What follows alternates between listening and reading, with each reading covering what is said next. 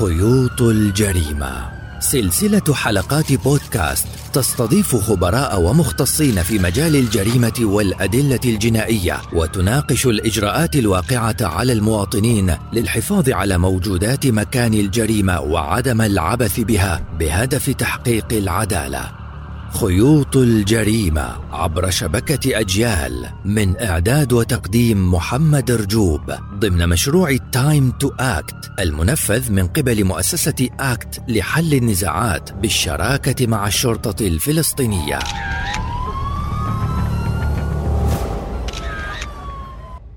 أهلا بكم مستمعينا الكرام في الحلقة الثالثة من سلسلة حلقات بودكاست خيوط الجريمة نناقش اليوم دور المختبر الجنائي الفلسطيني بوصفه المرجعية الأولى لفحص الأدلة الجنائية على درب وصول الضحايا إلى العدالة. ضيفنا العميد ناجح سمارة مدير المختبر الجنائي الفلسطيني. مرحبا بك سيادة العميد. العافية وحياك الله أخوي محمد وشكرا لاستضافتك لنا وإن شاء الله بتكون هذه الحلقة مفيدة ومفيدة للمستمعين بحيث تساعدهم في تحقيق أعمالهم وتطلعاتهم. كمان بنحيي إحنا جميع مستمعينا وشعبنا وعلى آه، صموده وتضحياته اللي بقدمها بالفترة الأخيرة. وإن شاء الله الأحوال تتحسن وتكون أفضل من هيك تعم السلام والأمن لجميع أبناء شعبنا. إن شاء الله. ما هو المختبر الجنائي سيد العميد؟ المختبر الجنائي لمن لا يعرف هو إحنا نتكلم هنا عن يعني بشكل عام عن استخدام التكنولوجيا في التحقيقات الجنائية. لما نحكي عن التكنولوجيا بنحكي عن أجهزة حديثة بنحكي عن علوم عامة بنحكي عن فيزياء بنحكي عن كيمياء بنحكي عن بيولوجي. استخدام هاي التطبيقات العلمية في التحقيقات الجنائية باستعمال هذه الأجهزة من خلال فحص الأدلة التي يتم ضبطها في مسارح الجريمة المختلفة وباختلاف أنواعها نقوم بفحصها بالهاي الأجهزة. وبناء على النتائج ومن النتائج التي نحصل عليها نستفيد في آه، سير التحقيقات الجنائية سواء بالإثبات الجنائي من خلال آه، إيجاد أدلة أدلة إثبات تدين المتهم وتتعرف عليه أو من خلال الاستدلال وربط الخيوط في بعضها ومساعدة إدارات التحقيق الجنائي. في الشرطة بشكل خاص والأجهزة الأمنية بشكل عام للوصول إلى الحقيقة والتعرف على الجاني وتحقيق الحق للضحايا أين يبدأ آه، دور المختبر الجنائي ومتى ينتهي؟ إحنا عندنا عملية التحقيق هي بشكل عام بالشرطة تبدأ من مسرح الجريمة من لحظة الإبلاغ عن الجريمة ويبدأ تسجيل الملف وفتح ملفات تحقيقيه بتحت إشراف النيابة العامة المختبر الجنائي يكون دوره بعد ضبط هذه الأدلة وتحريزها وفتح الملفات في المحافظات يتم إرسال الأدلة الجنائية إلى المختبر الجنائي لفحصها وتحليلها وتفسيرها وإصدار التقارير الفنية بذلك ويتم مشاركة هاي أو إرجاع هاي التقارير إلى المشرفين على التحقيق وعلى رأسهم النيابة العامة وضباط التحقيق في الشرطة. م. ضبط الأدلة مفهوم. ما المقصود بتحريزها؟ تحريزها هو العملية العملية ضبط الدليل ورفعه وإجراء وعمل جميع الإجراءات التوثيقية اللازمة لهذا الدليل في مسرح الجريمة. وما بعد ذلك من لحظة رفعه من مسرح الجريمة حتى وصوله إلى المحكمة. يجب أن يوثق بطريقة سليمة وطريقة موثقة بحيث لا تقبل الطعن أنه يكون هاي في موثوقية عالية بالتوثيق من ناحية التسجيل والشهود على التسجيل ومن ناحية التصوير ومن ناحية الحفظ في آه، وكذلك الحفظ في آه، آه، في في في ظروف مناسبة بحيث لا يتلف هذا الدليل أثناء الحفظ. في حال ما كان دليل بيولوجي أو دليل إيه مثلا نباتات إذا كانت ماريجوانا ولا شيء بحفظها مثلا بظروف معينة بالتالي بحاجة إلى شخص متخصص. يعني. نعم صحيح. فإحنا عندنا في المحافظات عندنا فرق مختصة فرق الأدلة الجنائية في 11 محافظة مزودين بالإمكانيات اللازمة وبالخبرة العلمية الكافية التي تؤهلهم لمعالجة مسارح الجريمة المختلفة والتعامل مع جميع أنواع الأدلة مع بجميع أنواع القضايا والجرائم التي تحدث والعمل على ذلك ضمن معايير موحدة ومفصلة ومحددة آه، في جميع المحافظات. فبعد قيام بهذا العمل يقوم برفع هاي الأدلة زي ما حكيت قبل هيك للمختبر والمختبر يقوم بتحليلها وفحصها وإصدار تقارير فنية غير قابلة للطعن تقارير عدلية لأنه اللي بيشتغلوا على هاي على هذه الفحوص هم خبراء معتمدين من وزارة العدل سنتحدث عن آه، العاملين في المختبر الجنائي نعم. ولكن اسمح لنا قبل ذلك آه، أن نسأل شو العينات اللي بتنفحص في المختبر الجنائي؟ العينات بتتفحص إحنا آه، كل ما يشك فيه ضابط التحقيق أو ضابط الأدلة اللي يذهب لمسرح الجريمة إنه له علاقة بالجاني أو بالضحية أو بمسرح الجريمة اللي يسمى بأركان القضية اللي هي الدليل الضحية مسرح الجريمة الجاني والدليل الذي يربط هؤلاء الأطراف الثلاثة ببعضهم هو يأتي إلى مختبر الجناية نقوم بفحص هذه الأدلة ونربطها بالأشخاص المحتمل تواجدهم في مسرح الجريمة وخصوصا المعتدي أو الجاني. نحاول ربطه وإثبات وجوده في مكان الجريمة لكي يحاسب على الفعل الذي تم. ممكن إعطاء أمثلة؟ يعني إذا في حال حصل مثلا جريمة آه، قتل. نعم. فإحنا نجمع الأدلة آه، قتل في مكان مغلق على سبيل المثال. فنجمع الأدلة من المكان آه، التي تساعدنا في إثبات أو التعرف على هوية الشخص الذي تواجد في هذا المكان. من خلال هاي الأدلة. مثلا من خلال إحنا بنقدر نفحص البصمات الشخص من خلال الظروف الفارغة والتعرف على السلاح الذي كان معه من خلال آه، أدلة بيولوجية مثلا سوائل أو أمور أخرى لعاب أو أمور أخرى في حال إنه في أنواع مختلفة من الجرائم. طب في ممكن آه، آه، يعني مجرم يخفي كل الأدلة؟ كل الأدلة بلا استثناء ولا لا يوجد جريمة كاملة كما يقال. أولا لا يوجد جريمة كاملة هذا بالتأكيد. لكن بعض الأحيان ممكن إن إحنا ما نقدرش نوصل لأدلة معينة وهذا نادر جدا إلا يكون في أدلة هناك وخيوط لأن القواعد العلمية التي يحتكم إليها التحقيق الجنائي وهي مبدأ لوكارد إنه كل شخص يتواجد في مكان جاء نجزم أنه إلا يترك أثر في هذا أو أي احتكاك بين جسمين أو شخص مع مكان الشرط الطبيعة. تفرض عليه إنه لا يدشر وراء آثار له تبقى في هذا المكان. آه هذا هو المبدأ يعني اللي اللي هو حجر الزاوية في حجر أي الزاوية في التحقيقات الجنائية. يعني من المستحيل أن شخص أن يتواجد في مكان ما إلا يترك أثر. سواء من اواعيه أو من آه، جسمه أو آه، آثار تدل عليه زي بصمات الإيدين بصمات الأرجل آه، أمور كثيرة ممكن تدل على الشخص يتواجد في مكان ما. العبث في مسرح الجريمة كيف ممكن يعقد عمل المختبر الجنائي؟ العبث آه، غير المقصود طبعا بسبب الفضول طبعا عادة. يعني إحنا هذا المشكلة نعاني منها من البدايات لكن يعني ممكن حاليا الثقافة شوي تتحسن عند المجتمع المحلي وكذلك عند الشرطة والأجهزة الأمنية في التعامل مع الأحداث اللي اللي بتصير سواء جرائم كبيرة أو صغيرة بنعرف إحنا قديش في الناس عندهم فضول كبير وبحبوا يعرفوا شو اللي بصير م. فهذا الحكي مرات بعقد الأمور ومرات يفسد علينا عملية التحقيق بتخريب بعض الأدلة اللي كان ممكن نستفيد نستفيد منها بالتحقيق.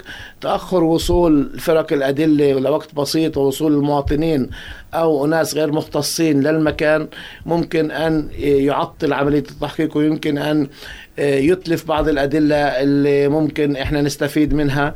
فإحنا ننصح دائما إنه في حال حصل جريمة معينة إنه عدم الاقتراب من مكان هاي الجريمة أو عدم الاقتراب من المحيط كاملا وإغلاقه لحين وصول المختصين ويقوموا بالتعامل مع المكان وفحصه ومعالجته واستخراج جميع الأدلة اللازمة للتحقيق أو التي تفيد في التعرف على هوية الجاني أو المجرم الذي تواجد في هذا المكان م. فيجب على الناس آه، الابتعاد عن الفضول يبقوا بعيدين ينظروا يلاحظوا يحاولوا أن يكونوا شهودا يفيدوا المحققين في معلومات آه، عن الجريمة كيف حصلت لكن لا يقتربوا من المكان الذي تواجد فيه فيه جثة أو في آثار أو في بصمات أو في آثار أقدام أو المجرم تواجد فيه يبتعدوا عنه مشان نقدر إحنا آه، نقوم ونبحث عن أدلة تدلنا على هذا المجرم.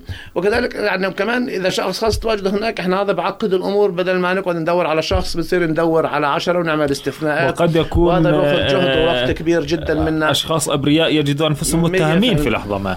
متهمين لا أقول إنهم مجرمين. ممكن يوجد حالهم متهمين أو مشتبه فيهم على الأقل. نعم. ويمكن هذا يعطلهم ويعطل أعمالهم.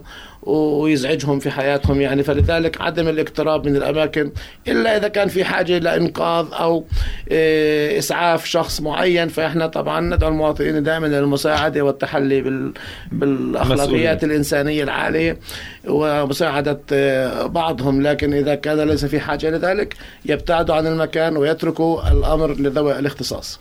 شو مواصفات الأشخاص اللي بيشتغلوا في المخابر الجنائي أنا الأشخاص اللي بيشتغلوا عندنا حرصنا منذ البداية إنه يكونوا ضمن المواصفات الدولية المطلوبة لهذا في هذا المجال فقمنا بتوظيف أشخاص عندهم خلفية علمية من الشهادة في الشهادات العلمية المختصة سواء هندسة كيماوية أو بيولوجيا أو تحاليل طبية أو فيزياء وتخصصات العلوم بشكل عام وبعد ذلك تم إخضاعهم لبرنامج تدريبي دولي مكثف ومختص مع خبراء متميزين دوليين لعدة سنوات.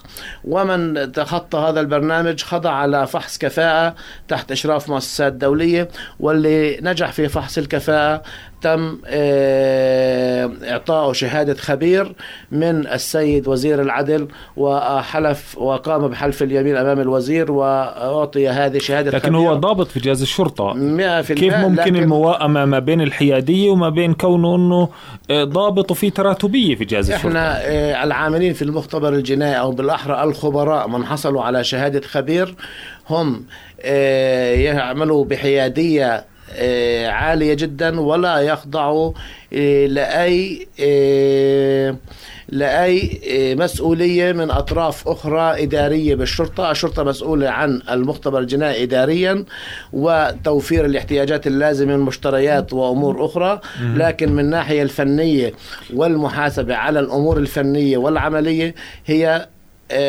هم يخضعون لإشراف وزير الداخلية بشكل يعني عام لكن الحيادية هم تحت القسم والنظام الداخلي المتعامل فيه بالمختبر واللي تم اعتماده اللي هو يخضع للمعايير الدولية والمواصفة في 17 2025 هي تحمي العاملين في المختبر الجنائي وتحمي وتؤكد على آه، الشفافية والثقة والمصداقية داخل المختبر الجنائي بحيث أنه لا يوجد أي فرصة لأي شخص وحيدا أن أن يتصرف على آه، كما هو يريد لأنه في نظام وأي قضية تدخل المختبر الجنائي تخضع لعدة فحوصات ومن عدة أشخاص على التوالي. شو الضمانات الأخرى أنه آه، العينة تكون نتيجتها فنية بحتة بدون أي تدخل بالإضافة إلى أنه الإشراف إشراف جهاز الشرطة هو إشراف إداري وليس آه، إشراف فني. يعني شو الضمانات الأخرى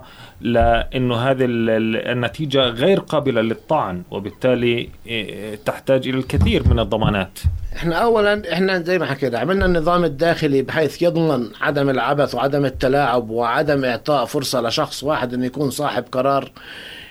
داخلي في المختبر بهاي القضية. أه. هاي ضمن النظام الداخلي المعمول فيه اللي هو نظام الجودة والخاضع للمواصفة الدولية 17 في 25 وهذا موثق حيث إحنا نعمل ضمن الإجراءات الموحدة داخل المختبر. لا لا يوجد خبير أو ضابط أو إداري يتعامل على مزاجه أو حسب ما هو يرتي يتعامل حسب الإجراءات الموحدة المعمول بها داخل المختبر. هذا كإجراءات داخلية. على الجميع. وهو يعني أنا بحكي عن إجراءات داخلية موحدة من ضمنها إجراءات رقابية. نعم. رقابية داخلية أثناء العمل في كل قضية. يعني في عندك خبير يعمل بالقضية يتم تكليفه. في خبير مدقق يعمل القضية بجهة ثانية آه، بدون ما يتشارك مع الخبير بهذه القضية في عندك مدير القسم كمان هو خبير ومعتمد كمان يقوم بفحص القضية ومراجعتها وعندك مدير المختبر هو كمان هو آه، لديه من الخبرة الكافية اللي مراجعة جميع هذه الإجراءات والتأكد أنه تم آه، مرور القضية بجميع الإجراءات ضمن النظام الموجود طيب. والتأكد عدم وجود فرصة أنه أي شخص يقدر يأثر على سير سير الفحوصات اثناء أثناء وجود النتيجة غير قابلة للطعن آه، هل هذا المبدأ قانوني؟ نتيجة غير قابلة للطعن هو النتيجة التي يحملها الخبراء لأنه الخبير الجنائي المعتمد هو تقرير الخبرة غير قابل للطعن إلا بالتزوير لا آه. يعني أو آه، إذا القاضي لم يعجبه هذا التقرير بإمكانه آه، إنه يستعين بخبرات خبير آخر ويقدم نصير فإذا اختلفوا صار هناك تضاد في هذه التقارير حسب القانون بإمكانه يكلف لجنة أو خبير ثالث ورابع. هي تعود للقاضي هو الذي يحكم بهذه الأمور. العينة تدخل مختبر باسم آه، صاحبها أو صاحب الضحية أو أسماء متهمين. كيف تدخل؟ الغير إحنا بنستقبل عينات من آه، النيابات العامة ومن المحاكم وتأتينا في في الأمور الماد ال- ال- أو الأدلة الفيزيائية تأتينا بدون أسماء. بدون أسماء وبدون حاجة تاتينا رقم قضية نكون نتعامل مع هذا الرقم ولا يوجد أي داعي لمعرفة صاحب القضية أو ال- ال- ال- ال- مم. ال- اللي مع أو اللي ضد إحنا يأتينا رقم لكن في بعض القضايا زي أمور الخطوط وال وال آه، خاصة ال- ال- الفحص القضايا اللي فيها فحص خطوط وتواقيع بيكون مم. في هناك أسماء لأنه أصلا هي الدليل عبارة عن آه، طيب يعني آه، أوراق ثبوتية أوراق رسمية خاصة. سنتحدث عن الأقسام وقسم كشف التزييف والتزوير ولكن من هي الجهة أو الجهات التي يحق لها أن تطلب آه، آه، من المختبر الجنائي إجراء فحوصات محددة؟ المختبر الجنائي يتعامل مع جميع الجهات الرسمية الحكومية وعلى رأسها النيابات العامة والمحاكم هم آه، زبائننا الأساسيون وكذلك أجهزة تحقيق في الأجهزة الأمنية وعلى رأسها الشرطة بما أن إحنا في ضمن جهاز الشرطة إداريا موجودين. فالأجهزة أقسام التحقيق والمباحث العامة ومكافحة المخدرات وجميع الإدارات الأخرى آه، إذا كان عندها أي دليل جنائي أي نوع بغض النظر يقوم بإرسال المختبر لفحصه. وكذلك إحنا نستقبل أدلة من الأجهزة الأمنية الأخرى العاملة في التحقيقات الجنائية. كذلك نقوم بفحصها. أي شخص بيرسلنا من هاي المؤسسات الحكومية دليل جنائي أو ملف قضية نحن نقوم بما آه، بالعمل الذي يخصنا و ونقوم بإرجاع القضية مع تقرير فني معتمد رسمي لهي الجهة اللي طلبت الفحص م- ما هي مهام قسم كشف التزييف والتزوير؟ يعني قسم كشف التزييف هو أحد الأقسام الهامة في المختبر الجنائي واللي هو من العنوان هو يهتم بالقضايا اللي فيها ادعاء بالتزوير أو التزييف. بشكل عام مثل تزييف العملات والأوراق الرسمية جوازات أو وثائق آه، الأخرى تخص المواطنين أو مقارنة الخطوط والتواقيع إذا كان هناك أي عبث أو تلاعب أو تزوير وقع على الأوراق الرسمية كشك كالشيكات أو الوكالات أو أمور أخرى. جميع قضايا التزييف والتزوير سواء بالوثائق أو بالخطوط تأتي إلينا من النيابة لمعالجتها وإصدار تقارير فنية. يعني المفروض إنه دور قسم فحص الأسلحة النارية واثار الأدوات واضح يعني للناس ولكن ماذا تضيف؟ طبعا الأسلحة النارية وكمان قسم مهم هو طبعا القسم اللي بيع... اللي بيعالج الأدلة اللي بتأتينا من آه، جرائم اللي استخدم فيها الأسلحة النارية أو أدوات تم استخدام في هذه الجرائم كمثلا جرائم السطع أو الخلع أو كذا ليس فقط الأسلحة نحكي عن أدوات إذا كان هناك استخدم مثلا مطرقة حديدية أو شاكوش أو زرادية إحنا بإمكاننا التعرف عليها وإثبات إنها كانت هي استخدم أو استخدمت في مسرح الجريمة للقطع أو لل... للت... للإتلاف أو للتدمير. آه، بنفس المبدأ اللي بنقدر نعرف فيه الأسلحة النارية اللي استخدمت بهاي الجريمة وربطها بمسرح الجريمة وربطها بالجاني كمان مع الذخيرة اللي بتكون موجودة سواء بالجثة أو على الأرض أو ما يتبقى من إطلاق النار. جميع هاي الأمور إحنا بإمكاننا نربطها بعض ضمن آه، الخبرات والأجهزة الموجودة عندنا والخبراء المميزين الموجودين في في المختبر الجنائي قسم فحص المخدرات يعني واضح إنه يحدد يعني آه، مسألة إنه هذه المادة مادة مخدرة أم لا؟ طبعا شيء أكيد لأنه إحنا إحنا في القانون إذا أردت أن تحاكم أي شخص تم ضبط ماده ويشتبه إنها مخدرات يجب إنه يكون في تقرير مخبري إنه هاي الماده تحتوي على ماده هذا ركن. أساسي للتقدم كثير. بيجينا مواد إحنا آه ما بكون فيها مواد مخدرة بكون مشتبه فيها أو بكون مواد أخرى ويتم تبرئة الناس فعشان هيك هو يلزم تقرير مخبري للقاضي أو للنيابة العامة لكي تستطيع التقدم في إجراءات المحاكمة آه، ذكرت أن آه، المختبر الجنائي في بداية هذه الحلقة يقوم بالفحص باستخدام الفيزياء، الكيمياء والبيولوجيا. آه، مسألة الشفرة الوراثية الدي ان إيه هل تقومون بفحصها؟ يعني حاليا إحنا هذه الخدمة نقوم على تأسيسها غير مكتملة عندنا لكن إحنا نستطيع استقبال أدلة بيولوجية والتعامل معها وتخزينها عندنا البنية التحتية اللازمة للتعامل مع الأدلة البيولوجية. آه، حاليا إحنا في مرحلة استكمال الاجراءات للوصول إلى إلى إلى تقديم خدمة الفحص الدي إن اي النهائي والتعرف على على هوية الأشخاص من خلال الشفرة الوراثية. م. فحاليا إحنا هذا القسم تحت التأسيس. في تقريبا إحنا 50% جاهزين. إن شاء الله قريبا بعد أشهر أو خلال أقل من سنة بتكون خدمة متكاملة عندنا لكن إحنا نستقبل أدلة بيولوجية. وفي حال إنه آه، كان مطلوب فحوصات متقدمة نتعاون مع مختبرات أخرى قطاع خاص أم في الخارج.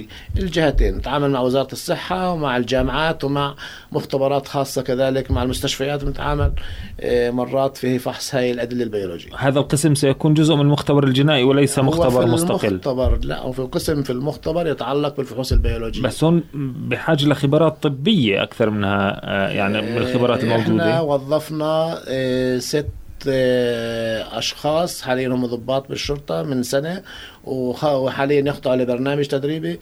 جميعهم يحملوا الشهادات العليا في الأحياء الجزيئية اللي لها علاقة بهذا القسم اللي هي molecular biology. وجميعهم يحملوا شهاده عليا الماجستير ولهم يعني وعندهم كفاءة عالية. وإن شاء الله بس ينهوا البرنامج التدريبي رح نكون قادرين على نقدم هاي الخدمة للمواطنين وتساعد آه، الجهات التحقيقية كمان وتضيف أو تضيف شيء جديد لهم لمساعدتهم في التعرف على الجناء ومحاسبته. شو أوجه التداخل ما بين المختبر الجنائي والطب الشرعي؟ لا يوجد أي تداخل إحنا مكملين لبعض. المختبر الجنائي يتعامل مع الأدلة الجنائية أو الأدلة الفيزيائية التي يتم ضبطها في مسرح الجريمة بينما الطب الشرعي يتعامل مع جثة الجثث في حال هناك على جريمة قتل يتعامل مع الجثة وما بداخلها بينما المختبر الجنائي يتعامل مع ما خارج الجثة من أدلة. فالطب الشرعي يقوم بعملية التشريح يقوم بعملية آه، أخذ عينات من داخل جسم الإنسان لفحص مثلا بعض أنواع السموم أو فحص بعض الأمور الأخرى المتعلقة بما دا ما هو داخل الجسم بينما المختبر الجنائي نفحص ما هو خارج الجسم. وفي معظم بعض الأحيان يكون نكون متواجدين في مسرح الجريمة ونكمل عمل بعض ويوجد تعاون كبير بيننا وبين الطب الشرعي في القضايا المتداخلة فيما بيننا. آه، باستثناء قسم فحص الشفرة الوراثية الذي هو تحت التأسيس آه، لم يكتمل بعد. الأقسام الثلاثة قسم كشف التزييف والتزوير وقسم فحص الأسلحة. النارية والأدوات وأثار الأدوات وقسم فحص المخدرات والأثار الكيميائية أين نحن مقارنة مع الدول الأخرى في الإقليم على الأقل؟ إحنا يعني الحمد لله يعني قطعنا شوط كبير في مجال التحقيقات في العلوم التحقيقات الجنائية واستخدام التقنيات الحديثة إحنا كخبرات يوجد لدينا الخبرات العالية ككادر بشري تم تأهيله والحمد لله خبرات عالية تضاهي الدول المجاورة وزيادة انها كنت لا لا أبالغ يعني يعني زيادة في ماذا؟ يعني شو اللي بيميزنا في الخبرة لأنه إحنا ضباطنا يعني دربناهم لفترات طويلة تحت إشراف أفضل الخبراء الدوليين وخضعوا لفحوص كفاءة دولية. وكذلك إحنا التجارب اللي بنخوضها بشكل يومي أعطت خلال الخمس سنوات الماضية أعطتنا خبرات عالية وزادت من كفاءتنا. هاي واحد. اثنين إحنا عندنا أفضل الأجهزة الموجودة في هاي الأقسام. فهي الشغلة مش بالحجم المختبرات وكبرها هي بكفاءة الأشخاص العاملين وبتوفر الأجهزة اللازمة لهي الفحوصات. يعني مختبر إذا كان عندك غرفة أنت أربعة بأربعة يعني لا يعني إنها أقل كفاءة من اللي عنده خمس غرف أو ست غرف يعني في المختبرات الأخرى. يعني لكن إحنا يعني دائما إحنا إحنا نطمح وطلبنا من القيادة العليا ومن الجهات المسؤولة لتوفير بناء للمختبر الجنائي. ونأمل أنه يتوفر قريبا بحيث أنه نكون آه، نحصل على بيئة عمل أفضل وأوسع. أن تساعدنا في تطوير الأقسام اللي عندنا إضافة آه، أجهزة أخرى اللي ممكن تسهل علينا عملية الفحوص أو إضافة فحوص وفحوص وخدمات أخرى غير الموجودة من مما يؤدي إلى تطوير عملنا وتحسين الأداء والوصول إلى آه، محاكمات عادلة والمحافظة على حقوق مواطنينا في المقاضاة وحصولهم على العدالة إن شاء الله. الفترة الزمنية التي تستغرقها الفحوص في المختبر الجنائي عادة. طويلة أيام أسابيع أكثر أقل. يعني تعتمد حسب الظروف وحسب ضغط القضايا. إحنا مرة مثلا في فترات مرينا فيها كان في إغلاقات في مثلا بالطرق وأمور زي فتراكم عدد من القضايا فأصبح بعدية حتى قدرنا نوصل لمرحلة التسفير زي ما بيحكوا بالعامية. إيه، قعدنا فترة القضايا اللي توصلنا تقعد شهرين وثلاثة حتى نقدر ننجزها. لكن الحمد لله رب العالمين حاليا إحنا في الوضع الطبيعي. إيه، في الوضع الطبيعي يعني حسب نوع القضية وحسب توفر يعني الجهة اللي تطلب الفحص إذا بتوفر لك جميع الطلبات اللي خاصة بالقضية. مثلا إحنا بنحكي مخدرات تقعد عندنا القضية من أسبوعين ل أربع أسابيع حسب ضغط القضايا إنه في كم قضايا بيجينا اسبوعيا. بتحكي عن تزييف وتزوير مرات إذا الأمور متوفرة بتقعد شهر أو شهرين لأن بحاجة لعمل وبحاجة لجمع وثائق وبحاجة لجمع عينات مرجعية من مؤسسات وطنية يعني بدها وقت حتى تقدر أنت توفر جميع الظروف. في الأقسام الأخرى زي الأسلحة كمان نفس الشيء. يعني أنت آه، عشان تكون النتيجه دقيقة يجب إنك تأخذ الوقت الكافي للفحص. يعني عملنا لا يقبل السرعة و العمل الغير منظم. عملنا إحنا منظم وبتكون دقيق جدا ويجب اعادته أكثر من مرة حتى نتأكد من دقة النتائج. وعشان إحنا نضلنا محافظين على الثقة والمصداقية الحمد لله اللي إحنا حاصلين عليها حاليا مع آه، جميع الشركاء اللي بنتعامل معهم فنشتغل بالطريقة هذه بدقة وحسب ما هو مطلوب منا بالإجراءات الموحدة الداخلية. إيه، أخيرا يعني عميد ناجح سمارة ما الدور الذي قام به المختبر الجنائي في الملف الذي أعده النائب العام في قضية الزميلة الصحفية شيرين أبو عقل؟ طبعا إحنا يعني قضية الله يرحمها أول شيء الزميله آه، الصحفيه الشهيده شيرين ابو عقله إحنا اشتغلنا بالقضية مع النيابة العامة من أول لحظة ما حصلت الجريمة. تحرك فريق كامل من الشرطة ومن المختبر الجنائي ومن المباحث إلى محافظة جينين وبالشراكة مع زملائنا اللي في المحافظة تم مباشرة العمل هناك. إحنا اشتغلنا على مسرح الجريمة واشتغلنا على الأدلة. وكمان شاركنا في التشريح مع زملائنا في الطب الشرعي في جامعه النجاح. وكنا شركاء في إعداد التقرير أو إحنا عدينا التقرير الفني الخاص بمسرح الجريمة والخاص بالأدلة تم إعداده في المختبر الجنائي وتقديمه للنائب العام خلال فترة وجيزة. والحمد لله يعني إحنا استطعنا أن نعمل عمل آه، مثالي وجيد ولاقى استحسان عند جميع الخبراء العاملين في هذا المجال. ومن رأوا التقرير والسيد النائب العام وسيد وزير الداخلية واستطعنا الوصول في فترة وجيزة للمعلومات الدقيقة إيه، بخصوص إطلاق النار بخصوص المسافة اللي تمت إطلاق النار منها بخصوص وضعية القاتل بخصوص اللي إيه، يعني كان في أدلة إثبات على نية القتل عند عند القاتل. هذا الحكي كان موثق في في في هذا التقرير إنه كان في نية مبيتة للقتل وليس عن طريق الصدفة هذا أولا استطعنا تحديد نوع البندقية نوع الذخيرة وخطورتها وحرمتها أصلا الاستعمال في المختبر النوايا في تحديد آه، المختبر الجنائي هل يدخل في في جزئية تحديد النوايا؟ هلا أنا أقصد إن إحنا في تحديد نية الشخص لكن عملية إطلاق النار لا أقصد الظروف الظروف آه التي يتم تحديدها علميا إطلاق النار كانت تدل على أن الشخص يريد القتل وليس إنه أطلق النار عن طريق الصدفة في هذا المكان نعم. لأنه وجود أكثر من مقذوف في مسافات معينة على الجهة العليا من نفس المنطقة والشخص موجود فهذا يدل على إنه نية قتل كانت مبيتة ويريد قتل هذا الشخص اللي كان متواجد هناك. أشكرك جزيلا على المشاركة معنا وكل هذه المعلومات. العميد ناجح سمارة مدير المختبر الجنائي الفلسطيني. شكرا لك. شكرا لك وممنونين لك. شكرا لك شكرا لكم مستمعينا متابعينا. دمتم بألف خير. في أمان الله. خيوط الجريمة. حلقات بودكاست متخصصة في طرق الكشف عن الجريمة والوقاية منها للوصول للحقيقة بما يؤدي لمعاقبة المجرمين هذه الحلقات تأتيكم عبر شبكة أجيال الإذاعية ومنصاتها للبودكاست ضمن مشروع Time to Act المنفذ من قبل مؤسسة أكت لحل النزاعات بالشراكة مع الشرطة الفلسطينية.